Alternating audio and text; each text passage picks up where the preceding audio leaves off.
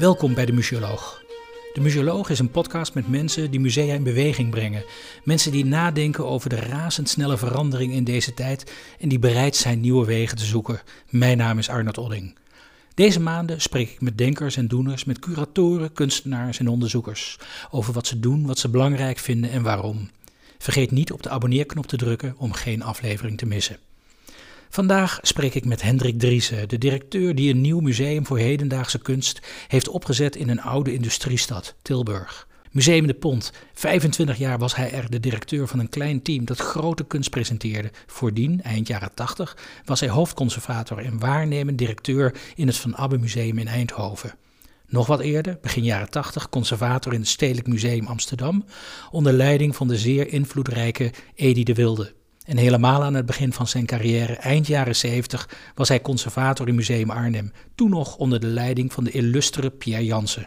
Hendrik heeft het vak niet van de minsten geleerd. Dadelijk kijken we vast nog wel een beetje terug, maar eerst de actualiteit. Want nog tot en met 16 juli, stel het boeken van je kaartjes dus niet uit, vindt in Oosterhout de Heilige Driehoek Biennale plaats, H3H. Samen met Rebecca Nelemans is Hendrik Driessen de curator van deze tweejaarlijkse kunstmanifestatie op het prachtige terrein van drie vlak bij elkaar liggende kloosters. Na liefde en hoop heeft deze derde editie het thema geloof. Goedemiddag Hendrik. Goedemiddag. Moet je gelovig zijn om een actuele kunsttentoonstelling over geloof samen te stellen? Nee, maar het helpt wel een beetje als je uh, gevoel hebt voor wat geloof kan zijn. En uh, zowel Rebecca als ik hebben dat gevoel eigenlijk uh, heel natuurlijk meegekregen. Want we zijn allebei katholiek opgevoed. Zij in het echte katholieke Brabant en ik in het protestantse noorden in de omgeving van Haarlem. Dus wij, wij weten wel wat er zo al omheen gespeeld heeft en nog speelt. Maar om een tentoonstelling te maken rondom dat thema, denk ik dat dat niet per se nodig was geweest. Het is, het is wel behulpzaam geweest zo nu en dan, maar we hebben het ook zonder dat kunnen doen. Hoe hebben jullie het aangepakt? Hoe zijn jullie begonnen? Nou, het belangrijkste was eigenlijk ons eerst te realiseren dat een tentoonstelling in en rond drie kloosters niet een tentoonstelling is zoals je die zou maken in een museale uh, omgeving. Het uh, zijn geen witte zalen. Het is een hele mooie natuur. Het zijn prachtige uh, kerk- en kloostergebouwen. Maar het zijn niet de, de plekken waar je normaal gesproken beeldende kunst aantreft. En wij vonden het heel belangrijk om bij alles wat we zouden doen, dat, die specifieke omgeving als, als uitgangspunt te nemen. Dus heel goed te kijken naar wat is er hoe kun je dat uh, aanbieden aan een kunstenaar? Hoe kun je een kunstenaar uitdagen om voor zo'n situatie iets speciaals te doen? Want van de, de, ruim 25 deelnemende kunstenaars hebben er 16 iets gemaakt op ons verzoek voor een bepaalde plek. En uh, voor, vooral een, een nieuwe dialoog tot stand te brengen tussen de kunstenaar en de context waarin zijn of haar werk wordt getoond. De context die je daar uh, hebt is een prachtig, uh, prachtige tuinen, prachtig, prachtige natuur. Hoe leg je dan vervolgens toch die link naar dat thema geloof? Of moet ik dat thema heel erg losjes uh, bekijken? Um, bijvoorbeeld zoals de vorige biennale over hoop ging. wat is het grootste verschil tussen de twee biennales? De ene ging over hoop, deze gaat over geloof. Dat is een hele goede vraag, waar wij ook echt onze, onze gedachten over uh, gewisseld hebben. Af en toe met, met een beetje wanhoop zelfs toen we van start gingen. Om de doodeenvoudige reden dat, dat, en dat weet jij natuurlijk als museumman ook, je kunt alles naar een bepaalde de, betekenis toepraten. Dat is een deel van onze rol zelfs, om, dingen te zeggen en mensen te wijzen op alles wat je erbij kunt bedenken bij een kunstwerk. Dus op zich zou je werken uit die tentoonstelling Hoop ook in deze tentoonstelling hebben kunnen opnemen. Um, maar wij zijn nu vooral vertrokken vanuit het idee dat geloof, uh, los nog van het geloven in een leven na de dood bijvoorbeeld, want daar heeft geloof toch heel veel mee te maken voor heel veel mensen. Hè? Het, het, het, het, nu goed leven om straks ook een goed leven te hebben, in de hoop daarop. En uh, wij hebben het wat breder getrokken. We hebben, we hebben dat vertaald in, in de begrippen vertrouwen, in, in het, het, vertrouwen op, het vertrouwen in. En hebben dat met, met de kunstenaars besproken van kun jij iets maken rondom die begrippen? Wat, wat is dat? En bij dat vertrouwen hoort heel vaak nieuwsgierigheid. Nieuwsgierigheid wat er na het leven zou kunnen komen, bijvoorbeeld. Uh, is er iets? Wat is er daar? En, en, en het, het, hier en het daar, dat zijn wel twee woorden, die, die twee begrippen die we heel erg in die tentoonstelling als, als uitgangspunt hebben meegenomen. En dat kun je op alle mogelijke plekken op een andere manier uh, aantreffen in de tentoonstelling. Van, van bijvoorbeeld een, een, een uh, één op één nagebouwd beeld, zou je het kunnen gewoon noemen. Van een satelliet die, die wij de ruimte in hebben geschoten. passend bij onze behoefte om altijd maar verder te willen gaan dan de plek waar we zijn. En, en waar we zijn is eigenlijk best in orde, maar we willen kennelijk altijd meer. Nou, dat meer, dat anders, dat daar dat, uh, dat is op die manier verwoord. Maar het is ook bijvoorbeeld, uh, of verbeeld kun je beter zeggen, het is ook uh, aanwezig in, in een werk van Laura Henno, een videowerk. Waarin op de Comoren, een oude Franse kolonie die nu zelfstandig is geworden, een, een zwarte man wordt gefilmd die vriendschap heeft gesloten met een roedel honden. En daarvan vertelt over hoe hij een, een hond heeft gevonden die heel erg was, gewond was. En die met hulp van God, God heeft hem geholpen, weer een beetje tot, uh, tot normaal leven heeft weten op te kalefateren. En die honden die zijn op dat eiland terechtgekomen als eigenlijk de bewakers van de destijds tot slaafgemaakten die daar woonden, waarvan zijn voorouders ook, ook waarvan hij ook afstand. En hij praat over zijn vrijheid en de vrijheid van die honden. Dat dat, beest, uh, wat de leider is van, van dat roedel, uh, nog steeds één of twee keer per jaar naar hem toe komt als hij hem roept, s'nachts in de bossen. En dat is, dat, dat, dat is een fenomenaal uh, werk, vind ik, waarbij op het moment dat die honden verschijnen, ze beginnen te blaffen en te, te, te, te eh, elkaar op te zoeken in het donker. En dan hoor je uit de verte, in de verte hoor je de oproep tot gebed van de moskee. Nou, dan komen dus zeg maar het animisme, het geloven uh, dat, dat bepaalde dingen uh, betekenisvol zijn. En, en, en ook iets kunnen zeggen over het hiernamaals. En het werkelijke geloof wat daar wordt beleden. Dat zijn prachtige dingen van opnieuw dat hier en het daar. En, en dat hopen we dus ook te bereiken, die, het, het, leggen van dat soort verbanden bij degene die die tentoonstelling bezoeken. Een van de werken waar ik het uh, meest van onder de indruk was, uh, zo, vooral toen ik nu de tweede keer weer terug ging naar Oosterhout om daar in alle rust naar de tentoonstelling te kijken, dat is midden in de natuur een groot scherm met raadselachtige beelden uit het Jungle Book van Disney, een, een werk van David Klaarbout. Ik heb er eindeloos naar gekeken en het is prachtig. Maar wat doen die luipaarden en die olifanten in een sprookjesachtige kloostertuin? Wat doet Jungle Book tussen de nonnen? Die beesten doen, zoals je gezien hebt, helemaal niks. Eigenlijk vervelen ze zich kapot. En dat, dat, dat is ook een beetje het uitgangspunt geweest om dat werk op te nemen, omdat het laat zien hoe groot onze menselijke behoefte is om alles te willen controleren om alles naar onze hand te zetten. De film Jungle Book gaat natuurlijk over beesten die een, een kind vinden in, de, in, in het oerwoud. En dat kind dus dingen leren. Dus de natuur leert ons iets. Tegelijkertijd moesten die, die dieren daarvoor leren praten. Dus ze kunnen spreken en ze kunnen allerlei dingen doen die mensen ook doen. Klaarbout heeft zich daarover opgewonden op, op zijn uh, speciale manier. En heeft dus besloten om die film helemaal te, te hertekenen in de computer. En die beesten weer gewoon tot beesten te maken en de mensen gewoon mensen te laten zijn. En, en, en het contact bestaat, uh, bestaat eigenlijk niet meer zo. En wat doen beesten natuur? Die, die, die planten zich voort, daar moeten ze inspannen, voor inspannen. Af en toe moeten ze wat eten en verder doen ze gewoon helemaal niks. En die, die, die stilte van het gewoon bestaan past heel erg goed bij de stilte van het gewoon bestaan die de kloosterlingen ook zoeken. Die, die, die tuin, dat was de tuin waar eigenlijk de enige contacten van die kloosterlingen met buiten zich afspeelden. Want dat, dat waren vroeger eh, zusters die achter slot en grendel letterlijk zaten. En alleen achter, van achter de tralies met familieleden konden spreken één keer per jaar. En de, die buitenruimte, die, was er, maar die is zeer gecontroleerd. Het is niet een, een, een oerwoud. Het is, een, het, is een, het is echt een park. Een prachtige tuin. Hele mooie tuin, en, maar, maar volkomen bedacht. Het is, wat wij natuur noemen is eigenlijk allemaal hier in Nederland door mensen gemaakt. En weliswaar met steun van de natuur zelf, maar het is niet de echte vrije natuur. En dat, die, die wisselwerking tussen wat is nou echt en wat is namaak, dat willen we ook een beetje met die film uh, uh, onderstrepen. Wij hebben behoefte aan controle op de natuur. Dat past bij het mens zijn. Dat is toch gek, want wij zijn schepsels van God, kennelijk. Maar die heeft dat dus, hij, heeft, hij heeft in ons zijn eigen ontkenning ingebouwd. Bijna, zou je zeggen.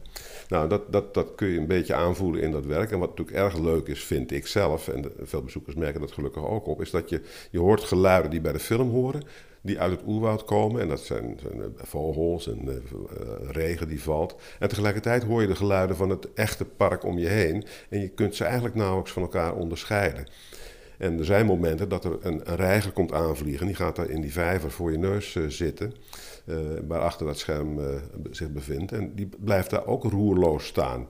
Dus je krijgt van dat soort cadeautjes. En dat is het mooie, vind ik altijd, van het maken van tentoonstellingen. Dat er zich dingen gaan voordoen die je helemaal niet zo had kunnen voorzien. Maar die ongelooflijk mooi onderstrepen wat je misschien wel had willen bereiken.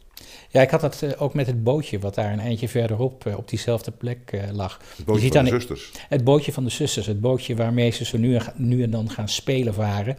Um, en ik dacht dat het onderdeel was van het, van het kunstwerk. En dat daar bewust een bootje was neergelegd. Totdat iemand mij vertelde, ik geloof dat jij het was, dat dat gewoon inderdaad een bootje was dat er toevallig lag. En dat de zusters daar achtergelaten hadden. En toen ik daar de vorige keer weer kwam, toen was het bootje er niet meer. Maar het is prachtig hoe het werk van David Klaarbout in die natuur uh, op, uh, opgaat. Vond je het moeilijk om die twee werelden bij elkaar te brengen? De wereld van het klooster en de wereld van de kunst? Nee, dat was niet moeilijk. Het, het, het, enige waar we heel erg op moesten letten was dat we in de gesprekken met de kloosterlingen, waar we natuurlijk de gast bij zijn, ook wel een klein beetje de verwachting moesten temperen dat nu met geloof ze eigenlijk voor het eerst hun eigen ding aan bod zouden zien komen. Want met hoop kun je nog heel veel kanten uit. En met geloof, ja, dat is, dat is hun, hun, uh, de essentie van hun bestaan daar in die kloostering, uh, kloosteromgeving. En wij hebben gezegd, ja, we, vanaf meet af aan, wij willen dus dat wat breder opvatten. Nou, ze zijn daar heel grootmoedig mee akkoord gegaan. Maar af en toe voelden we ons net uh, Christo en Jeanne Claude in onze gesprekken met hen om ze te overtuigen en mee te nemen in wat wij daar wilden. En hen de, de, de, de, toestemming uh, te laten geven om die dingen te doen. Want opnieuw, het, het is in, in jouw achtertuin. Dan wil iemand een kuil graven in, in de vorm van de, de, het woord love bijvoorbeeld. Dat is niet iets waar iedereen meteen maar zo ja op zegt bijvoorbeeld. Hè? Dat, uh... Maar het gaat wel over liefde. God is liefde. Hoe, ik kan me zo voorstellen dat dat uh, de soort van argumenten zijn die je misschien zo nu en dan ook naar voren brengt. Zijn er ook discussies geweest waar, waar, waar het echt moeilijk was om die twee werelden bij elkaar te brengen? Ja, die zijn er wel geweest. Soms ook omdat beelden heel letterlijk kunnen worden opgevat. Dat is, je kunt bij, bij sculpturen bijvoorbeeld, die zijn driedimensionaal, daar kun je omheen lopen. Die hebben, die hebben een bepaalde uitwerking op, uh, op de kijker. En, en soms is die uitwerking zo sterk dat, dat, dat ze niet voorbij die eerste indruk uh, komen. Uh, Volker Kun je daar een voorbeeld van geven? Volker de Jong bijvoorbeeld. Dat, dat hadden we aanvankelijk op een andere locatie bedacht. En daar vonden de kloosterlingen het toch te confronterend. Dat beelden die, die, die rouw uh, verbeelden, in het geval van, van, van Volkert. Dus we hebben hem gevraagd, zou jij iets met het thema pleurance kunnen doen? Hè, zoals in Frankrijk. Dat hebben jullie hem gevraagd? hebben we hem gevraagd. Ja, dat was een van die opdrachtsituaties. Be beelden waarin bij een graf gerouwd wordt voor de overlevende, overledene. En dat is een systeem wat je, wat je in heel veel culturen tegenkomt. In het Midden-Oosten kun je zelfs nog mensen tegen betaling voor jou in een, in een begrafenisoptocht uh, laten rouwen. En dan heb je heel erg huilende oudere vrouwen, die krijgen dan 100 euro. En die, die nemen jouw rouw deels over. Nou, en dat, dat idee van samen delen, in, in voorspoed en in tegenspoed, dat hadden we aan hem gevraagd. Maar dat dat, hij had dat rouwen zodanig uh, uitgedrukt en zodanig sterk dat sommigen daar dus echt uh, te ge, geraakt door werden om dat, om dat, dagelijks in hun directe omgeving te zien. En stond dat beeld uh, dan op een plek waar zij voortdurend zijn? Het staat nu op een op, een, ja, op het voorplein van een prachtig uh, 17e eeuws, geloof ik, uh, klooster. Ik zou me kunnen voorstellen dat ze daar ook dagelijks langskomen. Ja, dat, dat klopt. Het staat pal voor de ingang zelfs van dat klooster. Maar deze kloosterlingen hadden daar veel minder moeite mee. Oh, je hebt het van het ene klooster naar het andere klooster ja. uh, heb je het gebracht. Van het meer gesloten klooster misschien naar een iets meer open klooster? Ik ga niet zeggen bij welk klooster het was, maar het, het, het, het, die, die hadden daar meer moeite mee dan deze kloosterlingen. Hendrik, je was uh, 25 jaar directeur van Museum de Pont. Hoe verhouden die twee dingen zich tot elkaar? Dus aan de ene kant een biennale samenstellen, dat wat je nu hebt gedaan. En aan de andere kant een permanente programmering met een ontwikkeling in een prachtig museum. Ja, ik vrees zelfs dat het nog vijf jaar langer was. Het is 30 jaar. Het is 30 jaar, dat, oh, daar ben ik geweest. Ja, ik ben in 1989 begonnen en ik ben in uh, 2019 gestopt. Dus dit is precies 30 jaar. En ja, dat, dat, het was een droom en in zekere zin ook wel een nachtmerrie toen ik daaraan uh, begon. Het was in een periode dat in Nederland uh, er ontzettend veel werd bezuinigd. En uh, toen daar opeens op basis van de nalatenschap de mogelijkheid zich voordeed dat er een nieuw museum bij zou komen in Nederland, waren de meeste van mijn collega's niet zo enthousiast. In de zin van, geef dat geld nou maar aan ons, wij kunnen het veel beter gebruiken, we hebben al musea genoeg. Wat moet jij nou nog erbij? Um, dat was één deel van die, nou ja, overdreven gezegd, nachtmerrie, maar je kunt je iets, erbij voorstellen. Anderzijds was het ook wel met, met, met mijn bestuur waar ik te maken mee had uh, in die beginfase. Want anders dan de meeste musea die nadien zijn opgericht, of kort daarvoor, zoals Beelden aan Zee, vormde hier geen collectie het uitgangspunt. Niet een collectie van de stichter. Dat, er was dus geen verzameling aan waar ik me aan kon vasthouden of tegen kon afzetten. Je kon alle kanten op. Het kon, het kon alle kanten op. Het kon ook eigenlijk nog overal gevestigd worden.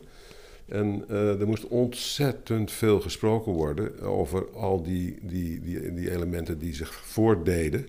Waar, wat, hoe. Uh, uh, gaan we subsidie geven? Gaan we zelf iets doen? Het kon, kon eigenlijk alles worden.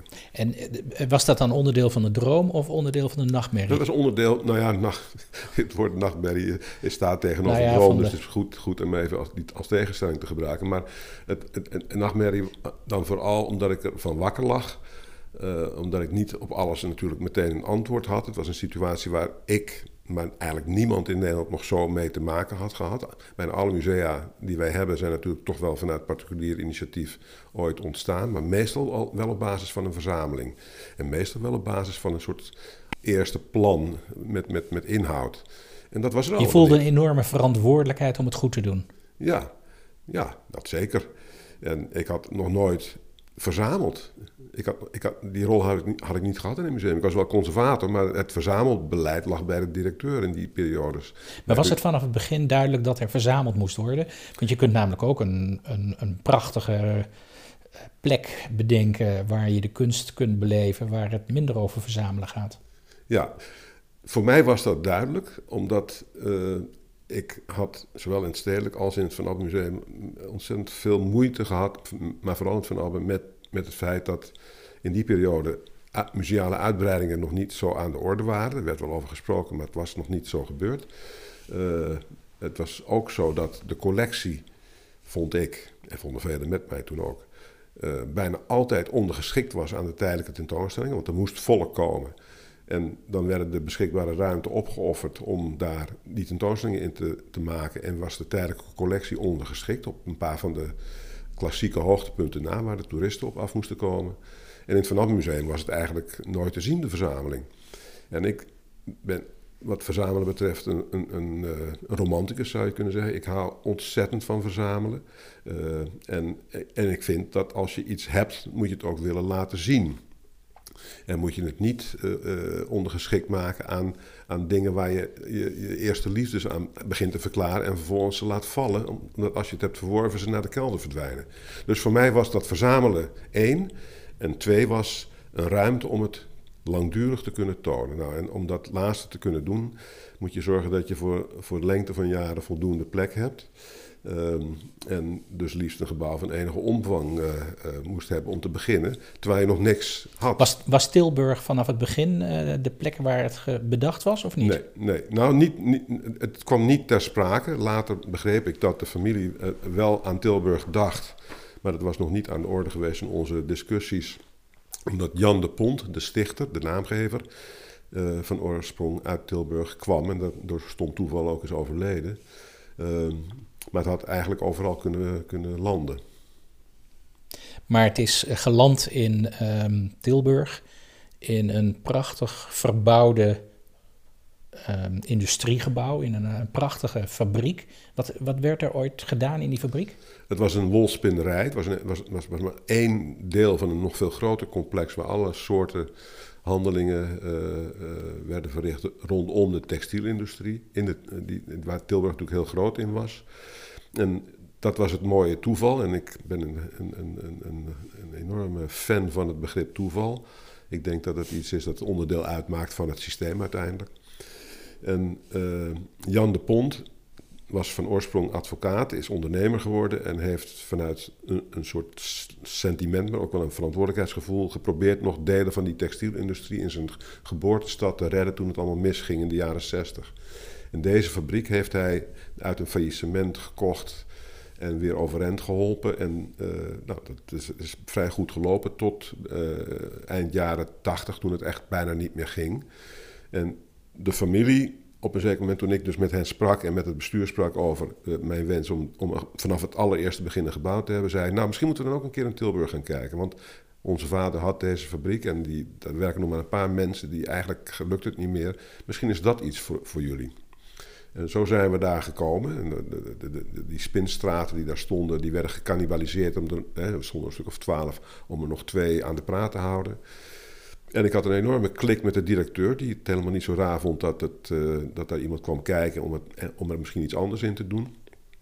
En uiteindelijk is dus besloten dat wij ons daar zouden vestigen.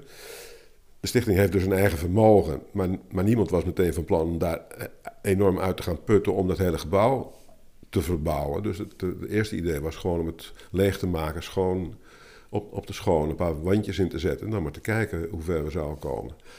En, maar toen kwam jij en je dacht van nee, dit moeten we toch wat uh, structureler aanpakken. Ja, toen, dat, dat is ook dat, uiteindelijk heel snel gegaan, maar in mijn beleving waren er in die tijd wel elke maand een vergadering zo ongeveer. En ik zat dus in mijn eentje tegenover dat bestuur. Zo voelde het af en toe, uh, maar ook heel vaak waren we natuurlijk gelijk op aan trekken. En uh, ontwikkelde zich toch het plan om het wat ambitieuzer aan te pakken. En heb ik zelfs een architect mogen, mogen aantrekken. Dat is Mels Krauwel geworden. En, en het is in deze verbouwing uitgemond die, uh, die, die, die, heel succesvol is geweest. Juist omdat het voor het eerst, denk ik, toch wel een goed moment is geweest om te laten zien dat je zo'n gebouw kon gebruiken in Nederland. In het buitenland waren er al voorbeelden van om oude gebouwen in te zetten voor dit soort doeleinden. En ja, ik, ik, ik ben heel langzaam gaan verzamelen na erover heel veel discussies te hebben gehad met het bestuur. Over ook wat doen wij wat de anderen niet doen. En dat waren de meest spannende discussies. En toen begon ook wel de droom. Want wat, wat doe je dus nog als er al zoveel is? En uiteindelijk kwam steeds meer naar voren het idee van wij moeten niet. Uh, herhalen wat er elders al gebeurt, maar we moeten ook niet nalaten te doen wat er elders is gekozen, alleen maar onorigineel te zijn. Want als we het goed doen, dan zou het ander wel gek zijn om ons weer niet te volgen. Dus je hebt geen claim op een bepaald type kunstenaar of op een bepaald soort benadering. Uh, uniek, uh, alleen. En, en uh, het is eigenlijk, dat zei ik ook wel vaak tegen mijn bestuur, met zoiets als vragen aan een, aan, aan een kind dat net leert praten van wat moet jij nou nog op de wereld? We hebben al Harry Mulisch gehad en Helle Haase als het gaat om de literatuur in Nederland. Ik blijf maar even bij de oudjes. Ja, we hebben al zoveel kunst. Wat moet er nog bij uh, gevoegd ja, wat, wat hebben we nou nog nodig? Het ziet er toch hartstikke goed uit al, weet je wel, op die manier. Dus die vraag kun je nooit beantwoorden. Dus je moet beginnen en je moet proberen daarbij... Uh, uiteindelijk toch je hart te volgen. Uh, je kunt alles uitleggen en, en toelichten, maar uiteindelijk telt alleen de kwaliteit van zo'n verzameling. En dat is wat ik van mijn oude baas Eddie de Wilde, die jij bij je introductie ook noemde, heb geleerd. Wat, wat bedoel je daar precies mee? Want um, dat is zo op het moment dat je zegt van ja, alles wat we verzamelen willen we ook permanent of heel veel in ieder geval laten zien. maar je hebt ook tentoonstellingen. Ik zou me ook kunnen voorstellen dat je juist heel sterk uh, zegt zo van nee, ik wil heel erg met de tijd meegaan. Ik wil iedere keer een hele andere kant wil ik op uh, kunnen gaan. Ik wil andere kanten van die rijkdom van de kunstwereld laten zien. Maar je vertelde me op een gegeven moment dat de verzameling de kurk op het museum is. Wat bedoel je daarmee en waarom is dat zo belangrijk? De kurk waarop? Waar, de kurk het waarop het museum drijft. Ja, omdat het, het, het geheugen is dat je opbouwt. Uh, jij en ik functioneren op basis van de ervaringen die we hebben opgedaan. En, op, en alle nieuwe ervaringen die we tegenkomen, moeten we ergens een plek geven. Dat doe je deels op basis van wat je hebt geleerd en deels op basis van die nieuwsgierigheid die nodig is om, uh, om, om actief in het leven te blijven staan. En het gekke van verzamelen is dat niemand heeft natuurlijk de wijsheid in pacht. Als ik, als ik op een atelier kom, staat er daar niet een kaartje bij, de, garantie uh, tot over twintig jaar dat dit nog een kunstwerk is dat het toe doet. Of op een kunstbeurs of weet ik veel waar, waar je kunst kunt verwerven. Dus je, je moet uiteindelijk altijd toch afgaan op je eigen overtuiging. En uh, als je dat moet, die, moet delen met anderen, bijvoorbeeld als je een aankoop moet verdedigen... dan doe je dat op basis van de argumenten die toch uiteindelijk alleen die van jou moeten zijn. Want als je dat doet op, op basis van, de, van de, verhalen van anderen, dan wordt het een soort van gemene deler. En uh, beslissingen die je neemt met een, met een groep mensen, dat is eigenlijk de, de, democratisch heel juist, maar het is niet altijd de beste beslissing.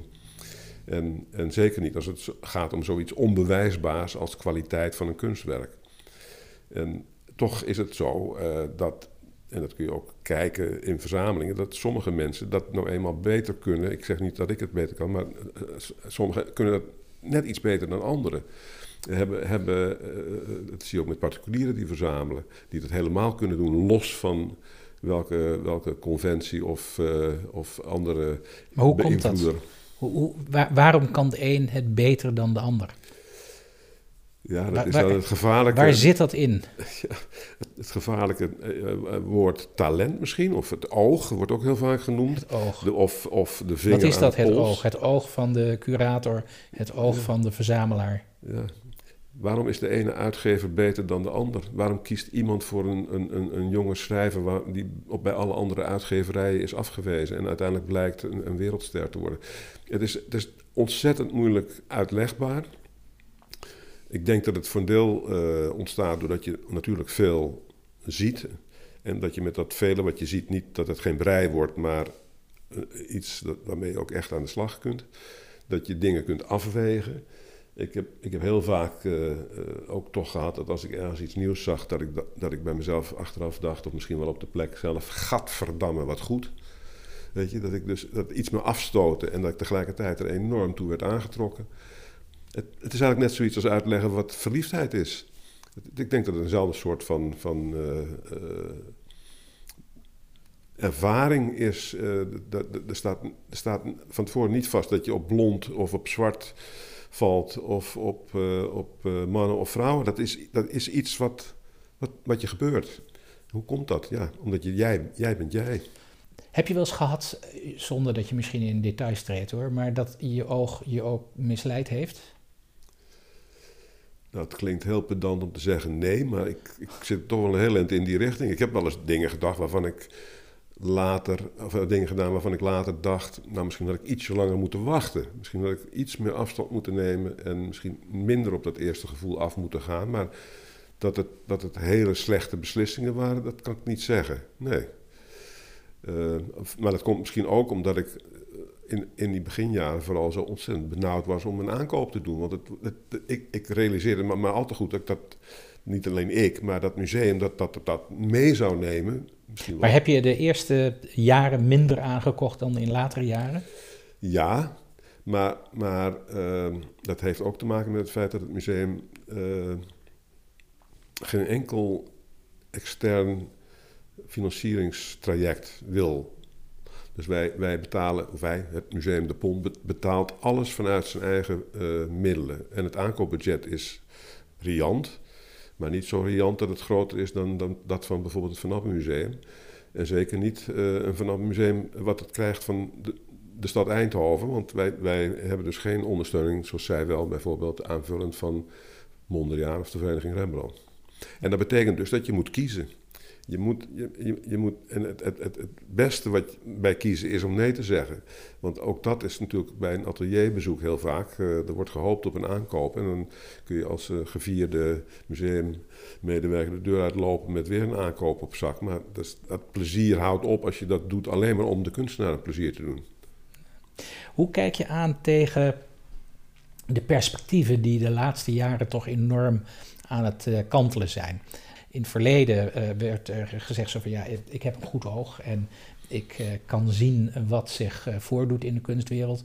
En, en vertrouw mij maar. Hè. Dat, dat, mm -hmm. is toch een klein beetje het, het verhaal van musea in de afgelopen jaren geweest. Terwijl je nu toch ook ziet dat dat witte, mannelijke perspectief, dat daar ook andere perspectieven mogelijk zijn. Kunst van vrouwelijke kunstenaars, kunst uit niet-westerse samenlevingen, dat werd vaak niet, niet gezien. Want de kwaliteit moest centraal staan. Terwijl je nu ziet dat we als musea in de afgelopen jaren ook heel veel kwaliteit niet hebben gezien. Kan ik mijn oog wel altijd vertrouwen? Ja. Of dat met het oog te maken heeft, het zien van een werk dat kwaliteit heeft, dat, dat, dat, dat denk ik is, is, uh, staat nog ter discussie. Maar het heeft wel te maken met contextualiteit. Met, met het, het, het waarnemen van, van situaties die we vroeger heel anders beoordeelden. Uh, eventjes om een misverstand weg te ruimen. Ik heb, ik heb vanaf het allereerste begin dat ik in de pont werkte... kunst van vrouwen aangekocht. Ook kunst van mensen met een andere achtergrond. Ik heb van Rudy Fuchs uh, heb ik wel eens een paar keer gehoord van... ja, je moet gewoon goed kijken. En dan zie je het wel. En de een kijkt wel goed en de ander kijkt niet goed. En ik heb altijd iets gehad zo van... ja, dat is sorry Rudy, um, maar dat, dat is arrogant. Mm -hmm. Want um, je hebt zoveel meer gezien, je hebt zoveel meer ervaring. En tegelijkertijd kijk jij vanuit de context uh, van datgene wat je weet. Maar je kijkt niet vanuit de context van datgene wat je niet weet. En we krijgen nu hele nieuwe contexten, waardoor de keuzes misschien ook anders gaan worden. Ja, dat keuzes anders worden, dat, is, dat is heel goed. En dat gebeurt ook gelukkig. En uh, het, het, perspectief is enorm verbreed de laatste jaren. Maar uit die, dat bredere perspectief, waarbij we uh, de wereld niet beperken tot, de, tot de westerse en dan vooral ook de, de, de, witte westerse kant, ontslaat degene die uiteindelijk beslissing moet nemen niet van de verplichting om daarvan dan het beste te kiezen. En dat beste wil, dat is ook een moeilijk woord natuurlijk, omdat het een rangschikking in zich houdt. En dat is nou, je nou vaak ook het probleem geweest. Uh, dat is toch iets wat op den duur gaat tellen in het museum. Want we, zijn geen archief. Het museum is geen, is geen plek waar alles wat, wat, laat ik zeggen, maatschappelijk een betekenis heeft op een zeker moment, uh, of wat de actualiteit bepaalt om allerlei redenen, over 50, 100, 150 jaar nog steeds op dezelfde manier die betekenis kan vervullen. Het kan misschien wel iets zeggen over hoe een bepaalde tijd zich heeft ontrold en wat, wat, wat dat specifieke ding, uh, of dat, wat het ook is, uh, daarin heeft betekend. Maar, maar uiteindelijk moet je dat vinden waarvan iedereen zegt: ja, dat is het werk wat alles wat zich in die tijd voordeed in zich heeft. Het gaat, het, dat is toch eigenlijk wat verzamelen is. Je moet, want anders kom je te zitten met een, wat ik, wat ik dan maar weer noem, een archief. En dan, dan, kun je, dan, kun je daarin bladeren en dan tref je van alles uh, aan dat, dat lezens- of bekijkenswaardig is. Maar je wilt een archief graag waar de ene kast uh, uh, wat grotere schatten bevat dan de andere kast. En anders kom je te zitten met een, een, een enorm depot. En dat is dan ook weer zo'n onderdeel van de discussies van, van deze tijd. Hoe groot mogen depots zijn? En zijn dat dan wel die archieven of die bibliotheken? En is dat het argument waarom we ze nog in, in, in stand houden op diezelfde manier zoals we het altijd gedaan hebben? Uh, ik, denk dat onze plicht als museummedewerkers is om vanuit de eigen tijd dat te kiezen waarvan wij denken, en dat is helaas, het is niet anders zo, er moet gekozen worden. Kunt... Het grappige is dat ik juist musea uh, en hun collecties juist vaak wel vergelijk met uh, archieven omdat ik dat op een bepaalde manier wel een mooi beeld vind. Uh, hè, je, je verzamelt en dat wordt toegevoegd aan de collectie. En iedere keer als je nieuwe tentoonstellingen, nieuwe presentaties maakt, dan ben je bezig met thema's, je bent bezig met onderwerpen. En je haalt daar de kunstwerken bij die, uh, die daarin passen. Waardoor het ene kunstwerk het andere kunstwerk versterkt in het verhaal wat wordt verteld. Net zo goed als dat je nu in de Biennale een thema hebt waar het over geloof gaat en waar de verschillende werken elkaar versterken, kun je dat in collecties ook, ook doen. Ehm, en sterke werken lenen zich voor meer toepassingen, zou ik haast willen zeggen, dan minder sterke werken. Of zie ik het nu helemaal verkeerd? Nee, maar jij maakt dus kennelijk een onderscheid ook tussen sterke en minder sterke werken. En, ja. en, ben, en dan ben jij dus ook in staat om dat onderscheid te maken. En dan is, vind ik, het jouw taak om als museumman voor die sterkste werken te gaan. En die minder sterke werken, die koop je dan misschien aan of die verwerf je op een andere manier omdat je vindt dat ze de rest wat meer uh, uh, nuance geven. Dat die context, contextualiteit waar ik het over had, uh, zichtbaar of voelbaar maken. Maar je kunt niet alles kiezen. Een, een, een archivaris wil toch uiteindelijk wel de, uh, zoveel mogelijk hebben. Terwijl een, een, museummedewerker moet zorgen dat hij dat heeft wat opgeslagen kan worden. En wat hij ook zich kan veroorloven. Want laten we ook wel wezen, we kunnen niet alles doen. Dus alles wat we doen is altijd een, maar een klein deel van dat enorme aanbod dat zich voordoet. Zeker nu we de hele wereld willen coveren. Hè? Want dat is uiteindelijk ook een consequentie van die veranderende inzichten. Als je terugkijkt op die 30 jaar dat je bij uh, de Pont hebt gezeten, heb je het gevoel dat daar een, uh, een ontwikkeling in te zien is? Uh, dat je in, in, de, in de keuze van de kunstwerken die je hebt aangekocht? Ja, ik denk dat, dat, dat er steeds meer lijn in is gekomen. Kijk, je, eh, toen, toen het museum openging met, met ruim uh, eh, 5000 vierkante meter oppervlakte, hadden we tien werken in de verzameling. en, dat was en nu? En, en, nu zijn het er geloof ik uh, zo'n 800, waarvan vele ook kleinere werken, want dat is wat er op termijn is bijgekomen. En dat past ook een klein beetje bij wat we net bespraken. Uh, naast de, de, uitroeptekens heb je af en toe ook een komma en een punt nodig. En, en dus de, collectie is wat dat betreft wat meer verdicht dan het aanvankelijk was. En, maar om, om dat te kunnen doen, ik heb het ook vaak met een spinnenweb vergeleken, moet je toch met de hoofddraden van het rad beginnen. En dan kun je daarna kun je het gaan verfijnen. En dan vang je nog steeds grotere prooien, noemde ik het altijd maar.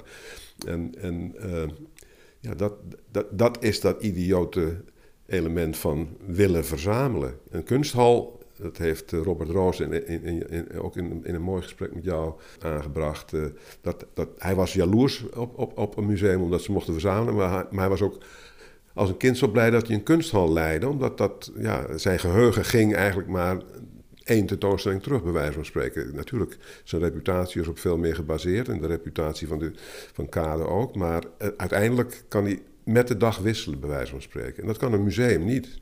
Is dat ook een van de problemen waar een instelling als uh, het Stedelijk Museum mee zit? Want die hebben natuurlijk zo'n enorme traditie. Die hebben zo uh, de kanon van de kunst. En de kanon van de kunst staat uh, onder druk. Um, dat is natuurlijk een hele moeilijke situatie waarin zij zitten om zich nu te gaan vernieuwen en te verjongen. Het probleem van een museum als het stedelijk is dat het door iedereen nog steeds, en terecht, als het moedermuseum wordt gezien van Nederland. Uh, er hangt ook nog altijd die romantische uh, bijklank uh, bij als een van die allereerste moderne kunstplekken waar, waar alles gebeurde, waar je heen ging en waar je, waar je, waar je kennis maakte met allerlei andere werelden. Die rol, die betekenis wordt er nog steeds aan toebedacht en daar is natuurlijk nog veel meer bijgekomen. En uh, er ontstaat steeds weer discussie over die begrippen uh, inclusiviteit. Het is heel belangrijk dat een museum in een diverse samenleving, in die steeds diverser wordt, uh, iedereen het gevoel geeft dat het ook hun museum is. Dat is, dat is, dat is essentieel om te blijven voortbestaan. Maar opnieuw, dan moet je dus kijken met welke, met, vanuit welke optiek vliegen we dan zo'n onderwerp aan. Hoe, hoe, laten we de dingen zien? En dan is naar mijn idee het, het, het, niet goed om een wand te maken met, met topwerken waar de Cézanne helemaal tegen het plafond hangt. Dat geeft misschien iets aan over hoe je naar dingen uit het verleden kunt kijken, maar het ontneemt uh, ook een heleboel aan, aan, aan waarde aan het object. En dat kan soms verfrissend zijn om dat te laten gebeuren. Als je een kunstmuseum bent, moet je van kunst blijven houden, vind ik. Je moet, het is, het zijn, het je moet ze blijven koesteren, de dingen. Die, die, die objecten hebben jou niks aangedaan. Hè? Het, zijn, het zijn de mensen die het of hebben gemaakt... En, dat, en vaak zijn kunstenaars kunnen ook klootzakken zijn. Het, hoeft helemaal niet, zijn niet allemaal lievertjes. Maar het maakt niet dat ze slechte dingen uh, hebben geproduceerd per se. Of uh, degene die het heeft verworven... deed dat met middelen die misschien uh, destijds... van een, een, een twijfelachtige herkomst waren hartstikke vervelend. Moeten we echt absoluut over, over praten. Maar die objecten kunnen daar niets aan doen. Laten musea zich te veel leiden door de waan van de dag? Ik denk dat de waan van de dag het enige is waar we mee kunnen, kunnen, kunnen opereren. Dat, en, en waan heeft, heeft in zich dat het denkbeelden zijn waar we van af moeten. Ik denk dat alles waar we mee te maken krijgen in onze eigen tijd, dat we daarmee moeten dealen. Dat zijn gewoon dingen die gebeuren. Mensen komen ermee. Je zult er een antwoord op moeten proberen te vinden. Ook binnen de context van je instelling die je, die, waar je werkt. En dan ga je weer over naar het andere wat zich op dat moment aandient. En, en stellingname, dus iets vinden, en iets vinden eh, eh, is hetzelfde als iets vinden over een kunstwerk. En onze eerdere discussie over op welke kwaliteitsgronden kies je een, een werk om aan te kopen. Wie ben jij dat jij dat doet? Op, dat is precies hetzelfde als iets vinden over inclusiviteit. Wie ben jij dat jij dat bedenkt? Uh, Toch heb ik het gevoel dat de discussies die een aantal jaar geleden nog echt de kwaliteit van de kunst als uitgangspunt hadden, op dit moment vooral het engagement als uitgangspunt hebben, het activisme als uitgangspunt hebben, de samenleving willen veranderen, de kunst op een uh, instrumentele manier in willen zetten om andere doeleinden uh, te bereiken, activistisch te zijn. Wat vind je daarvan? Ik zie het gebeuren en ik, vind het interessant. Het is, het is niet per se iets wat ik zo uh, zou, zou doen, maar het hoort, het hoort bij wie wij zijn. Dat maakt ons tot, tot die interessante figuur mens. Maar is dat een taak voor het kunstmuseum? Nou, ja, de taak van een kunstmuseum is om te kijken naar wat er in de eigen tijd gebeurt, zeker. En als iemand zo, zo denkt en je, en, je, bent van mening dat je daar even in moet meegaan, of je krijgt het zelfs als opdracht van je wethouder mee om, om inclusiever te zijn, uh, als dat nu op dit moment, uh, zoals we zien, allemaal een terecht belangrijk onderwerp is, dan moet je dat doen. Uh, en uiteindelijk, ik, ik, ik, dat is natuurlijk wel opa spreekt, uh, maar ik, ik, loop lang genoeg mee om, om, die, om die, die pendulen zo uit te zien slaan aan een bepaalde kant. Soms gaan ze, slaan ze wat verder uit en op een zeker moment keren ze weer terug naar, naar het gemakkelijke midden. En dan zijn we het weer even eens, totdat er weer over andere dingen discussie ontstaat. Dat is belangrijk, ontwikkeling. Bij alles moet je dus, en ik kom er weer op terug, een positie innemen. Er wordt van zeker van musea, maar ook van andere openbare instellingen verwacht dat ze, dat ze laten zien waar ze op een zeker moment voor staan. Welke kant ze op willen gaan. Uh, als je kijkt naar de jaren 60, toen er zo enorm veel gebeurde, ook, en dat, dat, is ook een activistische tijd, hebben, hebben kunstenaars ook daarin meegedaan. Het Stedelijk Museum heeft een ongelooflijke collectie posters uit Cuba van, van, uh, van uh, uit de tijd dat, dat, dat we nog dachten dat het communistische principe zoals Castro dat aanhing wel een goede weg was nog. En dat zijn prachtige voorbeelden van. Dat is verzameld. En dat zijn hele mooie affiches. Maar ze staan ook voor een activistische benadering van een, van een maatschappelijke ontwikkeling. Musea moeten dat vastleggen, maar moeten bij dat vastleggen kiezen voor datgene wat het meest kenmerkend is en het meest overtuigend datgene uh, in beeld, als we het over beelden hebben, uh, heeft gebracht, wat, wat dat activisme behelste.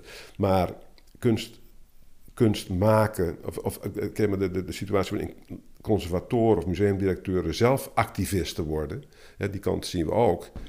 Uh, daar kijk ik wel met enige, enige argwaan naar. Want dan denk ik soms wel eens bij een enkele museumdirecteur... misschien had je beter gewoon de politiek in kunnen gaan. Het had wellicht effectiever geweest dan wanneer je kunstenaars vraagt... om iets te doen wat past bij jouw activistische stellingnaam. Dat is wel zo. Ik las ergens dat uh, de Pont een kunstenaarsmuseum is. Herken je je daarin? Ja, ik heb het altijd een van de meest eenzame en geweldigste beroepen uh, gevonden die, uh, die er bestaat, het kunstenaarschap. Want je gaat in de meeste gevallen nog steeds een atelier in. Of je zit achter je computer. En je bedenkt iets wat er nog niet is. En je blijft dat ook doen op het moment dat anderen daar geen enkele interesse uh, in hebben. Dat, dat geldt voor nog steeds de meeste, de meeste kunstenaars zo. En uiteindelijk blijkt dat wat jij hebt bedacht, de wereld toch een zetje heeft gegeven in een bepaalde kant. En ik vind dat we dat met z'n allen uh, niet alleen maar enorm moeten uh, ondersteunen, maar dat we dat ook uh, voelbaar en zichtbaar moeten maken. Dus als je kiest voor een, voor een kunstenaar waarvan jij denkt, nou dat is nou zo'n figuur die dat misschien bewerkstelligt, dan moet je er ook een tijd lang je aan verbinden. Dan moet je niet dus bij die waan van de dag, want er zijn altijd momenten geweest waarop een kunstenaar heel hip is. En met, met die enorme uh, host van grote galerieën van tegenwoordig, die enorme uh, belangen kunnen verdedigen en veel meer kunnen dan welk museum dan ook, of welke verzamelaar dan ook. Het is echt een, een grote industrie geworden. Daar moet je dan ook tegen in kunnen gaan. En moet je dan toch zeggen van nee, niet dit, maar dat in kunnen gaan tegen de grote commerciële belangen van de grote galerieën. Ja, ja. En dat is niet gemakkelijk, want soms zitten hele goede kunstenaars bij een grote galerie. Of soms werk je met een kunstenaar die nog niet zo'n positie heeft en daar wel in belandt. Uh, en die dan tussen twee vuren komt te zitten, want die voelt zich misschien nog steeds heel erg verbonden met, met, dat, uh, met dat kleine instituut waarmee ze ooit uh, begonnen zijn. En, uh, en dan krijg je die, wat zo vaak genoemd wordt, ook de gunfactor. Hè, van dat, dat je zo'n danige band opbouwt met een kunstenaar dat je dingen nog voor elkaar weet te krijgen die anderen niet kunnen, kunnen doen, omdat je, omdat je al zo lang teruggaat. Het, in die zin kun je, kun je die contacten met, met kunstenaars of die vriendschappen die er soms zelfs uit ontstaan, een soort diepte-investering noemen. Maar daar, daarom ben je er nooit aan begonnen. Je moet altijd in gesprek kunnen blijven met kunstenaars, vind ik. En, en je moet ateliers bezoeken. En, en je, moet, uh, je moet zien waar het vandaan komt. Je moet, je moet uh, vragen stellen als je bij ze bent en, uh, en ze tarten. Net zoals ik destijds getart werd en, en, door vragen die mijn bestuur mij stelde. Waarbij ik af en toe de, het gevoel had: God, ik moet nu kiezen tussen wie er eerder dood moet, mijn vader of mijn moeder. Weet je, van dat soort vragen. Van hoe, hoe ver hoe ver ga je met, met, je, met jezelf uh, blootgeven? Kunstenaar starten. Prachtig beeld is dat. Dankjewel, Hendrik. Dit was weer een aflevering van de Museoloog. Iedere week te beluisteren via je favoriete podcast-app. Vergeet niet je te abonneren op de stream. Ga naar de Biennale in Oosterhout, nog tot en met 17 juli. Een contemplatieve ervaring in deze roerige tijden. En natuurlijk tot volgende week.